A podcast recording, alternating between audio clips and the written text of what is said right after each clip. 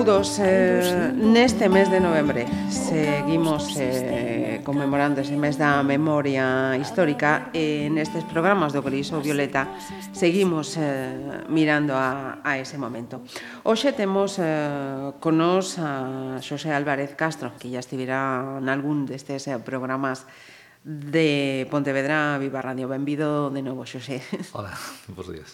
Hoxe para falar dos, dos movimentos da clase traballadora, porque nese calendario de, de actos do mes da memoria histórica o día 30 haberá un acto institucional precisamente para, para lembrar os movimentos eh, obreiros eh, agraristas aquí na, na cidade de, de Pontevedra. Eu quería, para, para comenzar, se te parece ben, eh, eh, preguntar eh, bajo o cal dos dos paraguas dos socialistas, comunistas e anarquistas eh, actuaban, existían eses eh, movimentos obreiros aquí en, en Pontevedra.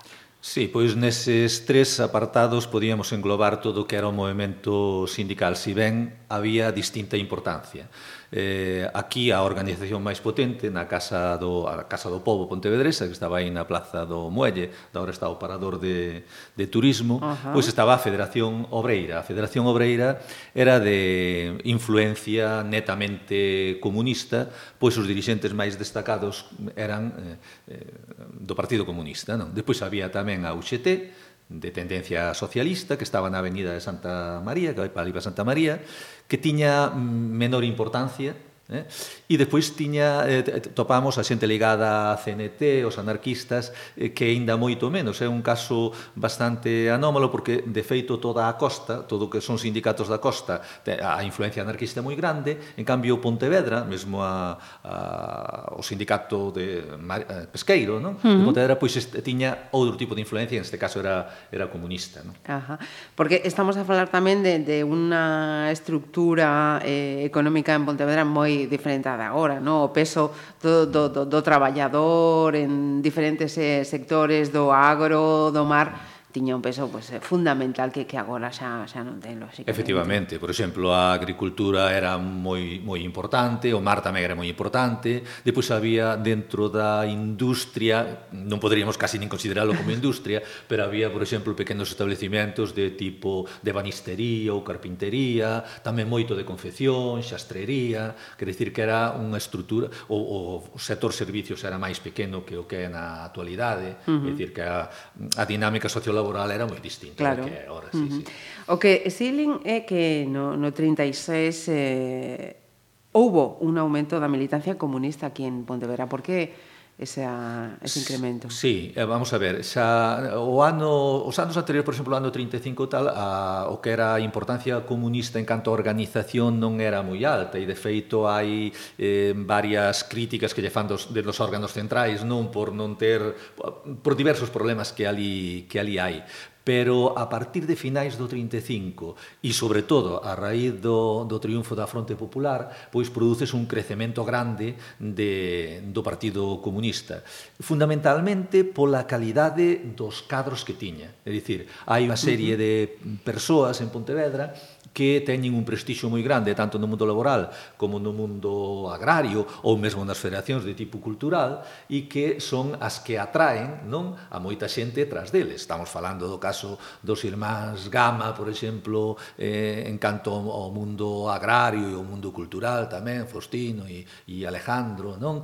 Eh, estamos falando de Manuel García Filgueira, un líder histórico do obrerismo pontevedrés, de Manolo Vázquez o Marión, de Manolo Ruibal, eh, da, da Federación de Construcción, de Albino Sánchez, quer dicir que é mm, xente moi, moi prestixiosa e, polo tanto, teñen... Eh, eh que, mm, pasa unha cousa, hai uh -huh. un maior poder de influencia do que o partido en si sí é. Ajá. Dicir, ten máis repercusión o nome a persoa efectivamente Ajá. Porque... E, en canto a, a, a federacións a sindicatos eh, Había moitos, eh, había poucos, porque, por exemplo, eh, eh estaba sinalando antes a Federación Local de Traballadores La Invencible, o Sindicato da Construcción, a Organización eh, Mariñeira, colectivos tamén de, de, de carácter cultural, pero que tamén tenían esa, esa mm. influencia política no, no momento. Sí, a ver, esos momentos eran momentos de moito empuxe asociativo eh, a todos os niveis, uh -huh. desde a nivel agrario, como a nivel cultural, como a nivel sindical. É dicir, os obreiros naquel momento prácticamente a totalidade estaban, estaban sindicados, por unha razón eh, práctica. É dicir, os sindicatos controlaban o que é o paro, É dicir, as ofertas de traballo. Uh -huh. É dicir, era moi difícil para un obreiro que non estuvera eh, afiliado a un sindicato poder traballar. Ajá. E era unha época que tiñamos que había moi pouco traballo. Sí, dicir, sí. había tal. Entón, os, o, a Casa do Pobo, ou a Federación Obreira, pois eh, controlaba un pouco a bolsa de traballo. Entón, eso xa eh, implica a necesidade de sindicación. E entón había os sindicatos da construción, sindicatos de panadeiros, sindicatos de xastres, de camareiros e tal, que despois eles estaban afiliados a cada unha destas organizacións que falamos antes, por exemplo, Ajá. Sindicato da Construción afiliado á Federación Obreira, o Sindicato de Camareiros, pois afiliado á Federación Obreira, de impresores afiliado por exemplo, á UGT, etc. non? O sea que dentro desos tres grandes grupos que falamos, social, eh, Sindicato de Obediencia Socialista, Comunista ou Anarquista, cada Ajá. un contaba con diversas sociedades que estaban integradas nelas Ajá. e que se podía dar o caso de que dun ano para outro pasaban dunha federación a outra. O sea, era por votación, pois adqui, eh, decían, pois adherímonos á Federación Obreira, pero puso, había unha votación contraria, e dicir, pois vamos a aderir ao UGT, non? Ajá. O que si ven é que a partir do 35, o Partido Comunista, que xa tiña unha central sindical propia, que, da que non falamos, que é a CGTU, a Confederación General de Trabajadores claro. Unitaria, uh -huh. eh, eh, adota a postura do, do chamado Frente Único, entón vai á confluencia coa UGT. Entón, a partir do, de primeiros de, do 36, tanto nas xuventudes como nos sindicatos, van a actuar eh, unidos prácticamente, non? O sea, en canto a súas reivindicacións, en canto a súas actuacións, vai se producir aí unha confluencia que aínda non se producía a nivel político, pero sí que se está producindo xa a nivel sindical ou a nivel xuventudes que están unificadas de feito xa dende o mes de abril. Ou así. Quería falar tamén de, de, de nomes eh, importantes. Eh, sinalabas eh, uns cantos, eh, hai un, hai un ese interés. Pero tamén quería eh, preguntar eh, por Lérez. Que pasaba eh, en Lérez? Porque eh, eu teño que reconocer que estes días preparando esta, este programa eh, supe que existía a Caixa Rural de Lérez. Uh -huh. Ya tiñamos conocemento das xuventudes eh, lerezanas, de todo o que supuso, eh, da Sociedade de Agricultores de Lérez, que foi pionera Sí, sí. como sociedade agraria en Galicia. En Galicia. Que, que pasaba en Lérez naquele momento? En, Lérez, en Lérez, a partir, xa a finais, dende finais do século XIX, dase a confluencia dunha serie de persoas, de mm. líderes eh, agrarios fundamentalmente, que teñen moitísima importancia non só a nivel non só a nivel local, sino que tamén a nivel a nivel eh, galego e efectivamente a Sociedade de Agricultores xa se funda no ano 1895, creo. Uh -huh. A de Marcón tamén a de Salcedo que estamos revisando un pouco aí un pouco aí iso, non? E unha das experiencias máis interesantes de todos é a Caixa Rural, polo que significa de caso único. As caixas rurales daquele tempo eran eh, normalmente eran institucións de crédito e tal, eh, moi ligadas a movimentos de tipo católico. E esta non é así. Esta é unha caixa de aforros eh, que ademais publica unha revista que ademais ten todo un sistema de de, a, de difusión de avances agrícolas, eh, impulsa moitísimo cooperativismo, de aí esa é a figura de Manolo Gama que ah, defendía uh -huh. non ese modelo de, de organización, que os fondos da Federación Obreira e da Federación Comarcal Agraria están depositados na Caixa de Aforros, é verdadeiramente que fai un edificio eh, arquitectónicamente maravilloso que é o que agora é farmacia ali no, uh -huh. no empalme de no empalme de Lérez e que toda esta experiencia se ve truncada polo, polo golpe militar, non? despois, uh -huh. con incautación dos seus bens, cunha serie de, de persecucións, evidentemente, aos seus dirixentes, pero que foi unha experiencia, a verdade, que pioneira. E claro, eh, Lérez, xunto con Mourente e xunto con Salcedo, son tres parroquias mm, fundamentales para entender o que pasa en todo a primeira metade do século XX en Pontevedra. Uh -huh. Son moi activas. Eh, a nivel asociativo e a nivel agrario fundamentalmente ou sindical. Ajá. Uh -huh. Eh, sinalabas agora mesmo o nome de, de Manuel Gama, ¿no? Uh -huh. eh, que foi, foi xunto a Alejandro e Faustino tres dos, dos nombres eh, propios importantísimos no, no movimento da clase obreira traballadora aquí en Pontevedra. Pontevedra. Podemos facer un, un esbozo destes sí, tres homes. Sí, sí. Eh, vamos a ver, Manolo Gama eh, era unha persona que a nivel ideolóxico estaba ligada ao Partido Comunista, os tres, é dicir, eran, estaban, movíanse nesa, nesa órbita. Eh, eh Manolo Gama a nivel político foi concelleiro mm, en época republicana do Concello de Pontevedra, foi teniente de teniente alcalde. de alcalde, precisamente a el cando xulgan e o condenan, eh, pois vai ser unha das acusacións que lle fan porque foi un dos que defendeu que no Concello de Pontevedra, no Salón de Plenos, se puxeran os retratos de Marx, de Lenin, de Engels, uh -huh. etc. Non? Entón, fíxate ti, o sea, podese pedir a unha persona 30 anos ou reclusión perpetua ou pena de morte por unha cousa tan eh, inocente, utópica, uh -huh. si quere, pero bueno, inocente. Era un home, ademais, que ten moitos escritos, en, por exemplo, en el pueblo galé, gallego, en Nueva Aurora, quer decir, ele escribe moito. Fundaba, mm, el, a idea que tiña era que o cooperativismo iba a ser un pouco a solución para os problemas do, do campo galego. É o gran dirixente agrario a nivel ideolóxico de Pontevedra, de Pontevedra xa non só Pontevedra capital, senón de, de Pontevedra provincia, posiblemente, e, e tamén a nivel galego, non do que foi o agrarismo eh, eh máis eh, eh, vamos, podíamos dicir radical, se si ti queres, eh, daquela, daquela época. Faustino eh, participa tamén na Federación Cultural de, de Organizacións eh, Obreiras e Deportivas uh -huh. e tal, pero é un home que, eh, que o matan moi noviño é dicir, que lle aplican os bandos de guerra, estaba fuxido, eh, preséntase, e, e xa falaron aquí no programa non da, da súa moza e tal, de Salcedo, e o, e o fusilan a aplicación dos bandos de guerra, quer decir que aí quedou truncado.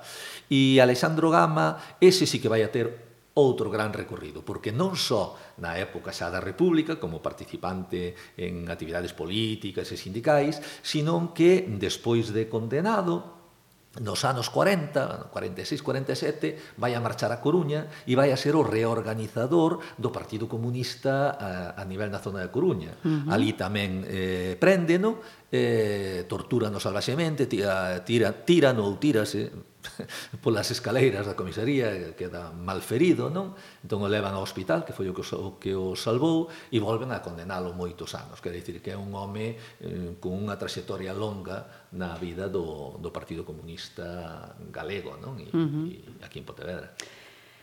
E outros dos eh, nomes, eh, Pastor Torres e García Filgueira, tamén vencellados a estes movimentos aquí na, sí, na cidade. Sí, eh, Manuel García Filgueira era mourente, era un Ele empeza como dirixente agrario da Sociedade de Agricultores de Mourente, primeiro no Partido Socialista, cando se produce a separación non? da Segunda Internacional a Terceira Internacional, a la, a, no ano 1920-21, el é dos que mm, abandona o PSOE e pasa ao Partido Comunista. Non?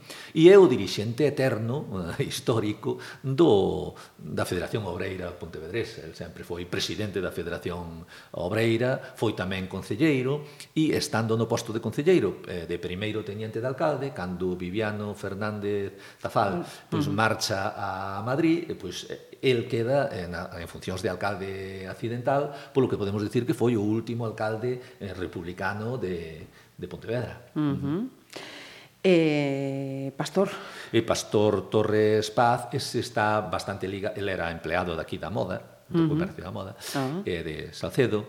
El é un home que está ligado fundamentalmente ás xuventudes eh, as xuventudes socialistas unificadas, eh, cando se produce a, a unificación das xuventudes socialistas e das xuventudes comunistas, pois Pastor vai a ser eh, presidente desas, desas xuventudes. Xa tiña tamén unha historia a nivel sindical, el eh, só deteñen antes ou multan a todos eles, eh, xa, sí, sí, todos son... 34 uh -huh. xa os collen ali porque eran moi activos non na casa, na casa do povo.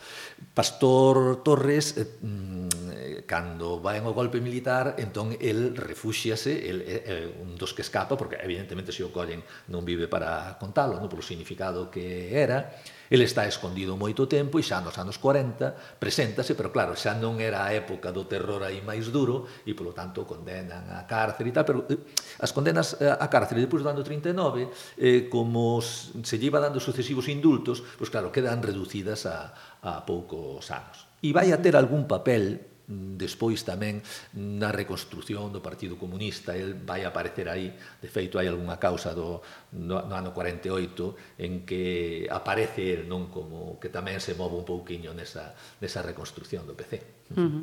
eh, eh, Vencellado tamén a García Filgueira estivera eh, na Federación Local de Traballadores Manuel Martínez Vázquez. Claro, eh, Manuel Martínez Vázquez, ah, os, os Martínez Vázquez, ese é outra das familias descoñecidas en Pontevedra e que son tamén tres irmáns, como os Gama, non? Uh -huh. Bueno, eran máis irmáns, pero os que participan activamente, non? E que é Manuel Martínez Vázquez, que é un dirixente da, da Sociedade de Construción, Panéis, Canteiros e tal, eh, el vai ocupar cargos directivos na, na Federación Local de, de Traballadores, é un home do Partido Comunista, un home que xa no 34 foi detido, que foi multado, eh, xa no 35, en moitos anos, é que ten tamén un recorrido un recorrido longo, longo. É un home que participa eh, no, no Comité de Defensa da República, no Goberno Civil, cando se trata de organizar un pouco a defensa contra o posible levantamento eh, militar, e que, eh, como Pastor Torres, aí o Partido Comunista tuveron bastante intuición, non? pois el permanece agochado, eh, escapa, porque tamén sería outro tal, e entón vai aparecer xa no ano 1948, creo así, xa moito máis tarde, eh, vaise presentar ás autoridades, tamén vai a ser condenado a unha pequena pena de cárcere, pero tal. Depois ten a Joaquín, era outro dos irmáns que tamén ten presencia sindical bastante eh, grande eh, dentro do, do, do, da Federación Obreira eh, e Ramón, que Ramón era mm, máis ben socialista uh -huh. dicir, pero tamén o van a condenar a, a cárcere despois de despois da, da, da terminación da guerra non? Uh -huh. Eh, facendo este, este repaso por estes eh, nomes eh, sinalados eh, neste, neste movimento eh, obreiro, eh, decías que o caso de Víctor Moldes Carro é un dos, dos máis eh, cruentos, non? Sí, aparte que é un dos, dos máis descoñecidos.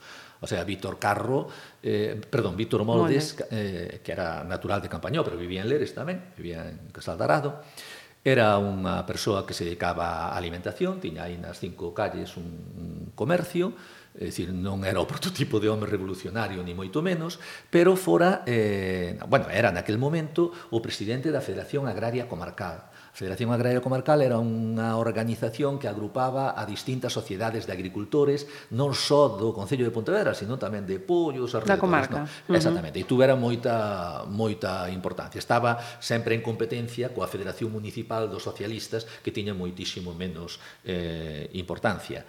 Esta estaba mm, controlada ou dominada tamén por comunistas, porque claro, tiñamos a Manolo Gama, tivéramos tamén de presidente a Juan Madalena, outro de Lérez, non que tamén fora fora presidente, facía uns, no ano 32 ou 33, non acordo agora.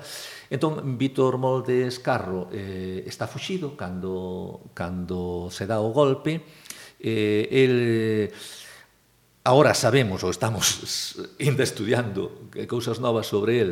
Eh, permanece escondido na súa casa, aínda que el cando collen, pois inventa unha cousa que venda lá de curro, pota... pero bueno, está escondido na, na zona, posiblemente teña unha participación activa eh, dándolle escondite o cura de Lere, don, don Leandro. Uh -huh. el, el algúns días, seguro, seguro, estivo escondido na, na no retoral, mosteiro. na zona do mosteiro E despois eh, eh, nos creíamos que o detiveran a Guardia Cívica, pero agora sabemos que en realidade hubo unha entrega pactada a, a Vítor Lís. É dicir, que a través do cura de Lere Don Leandro, pois aí mm, eh, fan unha, unha especie de hai unha especie de extorsión económica donde a cambio dunha determinada cantidade de diñeiro como donativo, pois se lle garantiza en principio que non que non se vai a matar. Eh? Evidentemente, eso eh, non se leva a cabo así, porque despois da entrega de diñeiro e todo iso, pois se lle fai xuicio, se lle fai un consello de, de guerra, se condena a morte e é fusilado 17 de abril do 37 en Monteporreiro. Nós como sabemos iso? Porque topamos documentación, eu, eu topei nos arquivos militares, fai pouquiño de todo, por iso que ainda está a cousa sin tal, documentación donde el, cando xa estaba condenado a morte, e antes de fusilalo, pois eh, conta o que pasou unha carta verdadeiramente estremecedora, e entón se, se fai unha investigación se fai unha investigación militar, uh -huh. donde se vai mirando tal, e iso é un caso máis do que houbo de extorsión económica, moita xente que estaba condenada e que ata agora eh, aparecía eh, oculta, non? E que, e que, bueno, terá que sair a, a luz eh, próximamente, non? Porque, claro, Carai. É terrible. Pero, sí, sí. Un caso tamén similar creo al de José Gallego Acuña, non? Sí, José Gallego Acuña tamén era un dirixente estera de Salcedo, pero ese foi paseado, se, uh -huh. se aparece paseado en, en Ponte Sampaio. Eh? É dicir, eh, o que pasa que se, mm, a ver, eh, Víctor Torres, é dicir, era unha persoa moito máis moderada non que, que no caso de Gallego Acuña Gallego Acuña era un home tamén ligado ao Partido Comunista eh, Víctor, mm, Víctor Moldes perdón, eh, a pesar de, das acusacións que lle fan eh, non era iso non era un, uh -huh. un home máis bético a ver, ele era fora, non sei se vicepresidente ou presidente da Federación de, de Pequenos Comerciantes que dicir, o perfil non é o perfil radical non do, do labrador ou do obreiro Uh -huh. eh, eh, se non me equivoco, eh, Tamén hai varios nombres eh, que estaban eh, vencellados, eh, unidos, a, a, a lo menos, eh, eh, bueno, supongo públicamente, lógicamente, me estás explicando eh, esta vinculación destes movimentos, pero baixo a Federación Cultural Deportiva. Obrera de España, eh, pues estaban os hermanos Alejandro Faustino Gama, sí, sí. Eugenio Urtaza, sí. Manuel Buján, Julio Rey, Emilio Villar. Sí.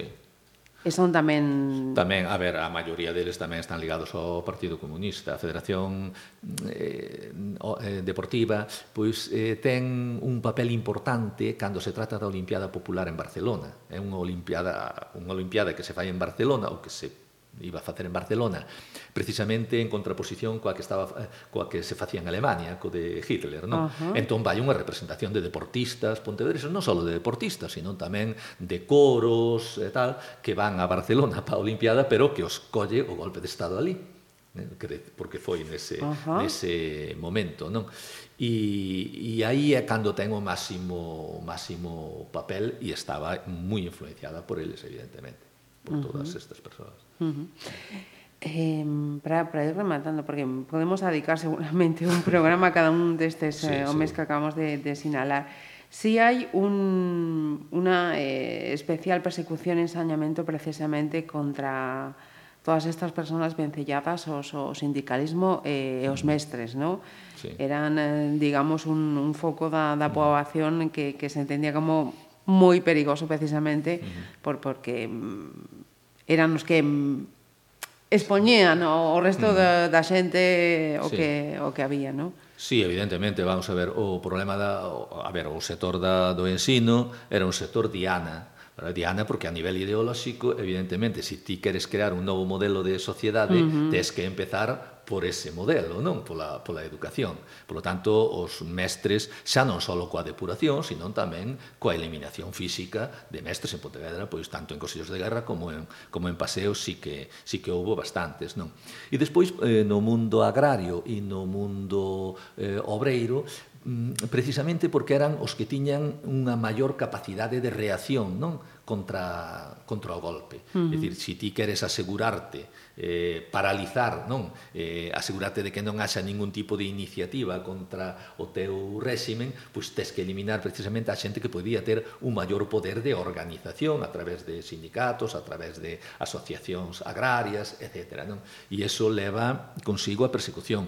Eh, todo isto dentro, evidentemente, de que a represión ten unha componente de clase uh -huh. contra, contra, os, sí, sí, contra sí, a clase sí. obreira, evidentemente. Uh -huh. Uh -huh. Porque mm, para eh, rematar, sí que podemos decir que, que Pontevedra tiña na, naqueles anos un, un activismo eh, moi, moi importante eh, en relación ao movimento obreiro e ao movimento agrario que logo xa non volvería despois nunca máis. Efectivamente, quere decir que o, o, a capacidade que había, tanto a nivel organizativo como a nivel de prensa, por exemplo, a cantidade de publicacións de periódicos non de, de pouca tirada ao mellor comparados cos da hora moita, non é tal, uh -huh. pero eh, de, e de diferentes eh, eh, ideoloxías políticas, non? Pois había acción obreira, pois había Nueva Aurora, pois había revolución, que decir, había moitos, non?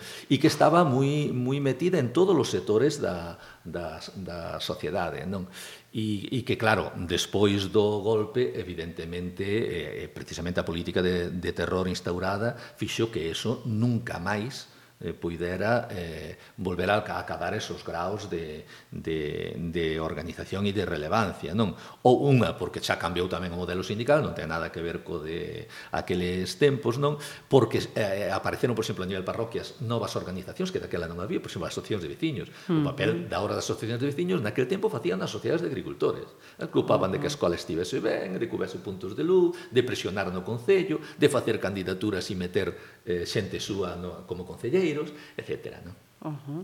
E hai moito aínda por descubrirnos, en o caso de Víctor Moldes, hai uh -huh. moita moita historia que, sí, sí, que recopilar sí. e, re, e recuperar aínda. Uh -huh. Moitísima. Quer dicir que, que, a ver, as liñas xerais do que pasou sábense perfectamente e están publicadas e tal, pero hai toda esa microhistoria Eh? E hai liñas de investigación. A ver, unha delas, por exemplo, era a, a que se empezou co proxecto este da memoria das mulleres, que era todo o papel das mulleres, uh -huh. e, e é un mundo que está cada vez aparecendo cousas novas, non? E que os historiadores, pois, a veces non temos que, que que responsabilizarnos non de non haberlo atendido como, como deberamos, pero hai moitas outras liñas, por exemplo, o tema da, das extorsións económicas, non só estas extorsións delictivas, sino as grandes extorsións, por exemplo, o tema do extraperlo, que é un tema que dá para falar cantidade de tempo, o tema das multas, o tema dos donativos, que eso de voluntarios para nada, non eran donativos obligatoriamente voluntarios ou voluntariamente obligatorios, non quere decir que había que dalos ou non, que todo hubo todo ese entramado económico que significou a riqueza de moita xente metida no réxime e a pobreza de gran cantidade de persoas. Por tanto, hai moito que que traballar neste campo, claro. Uh -huh. Pois pues, eh, pode ser outra excusa para que volvas aquí a estes micrófonos, bueno, Xosé. Como sempre, non hai problema. Moitas grazas.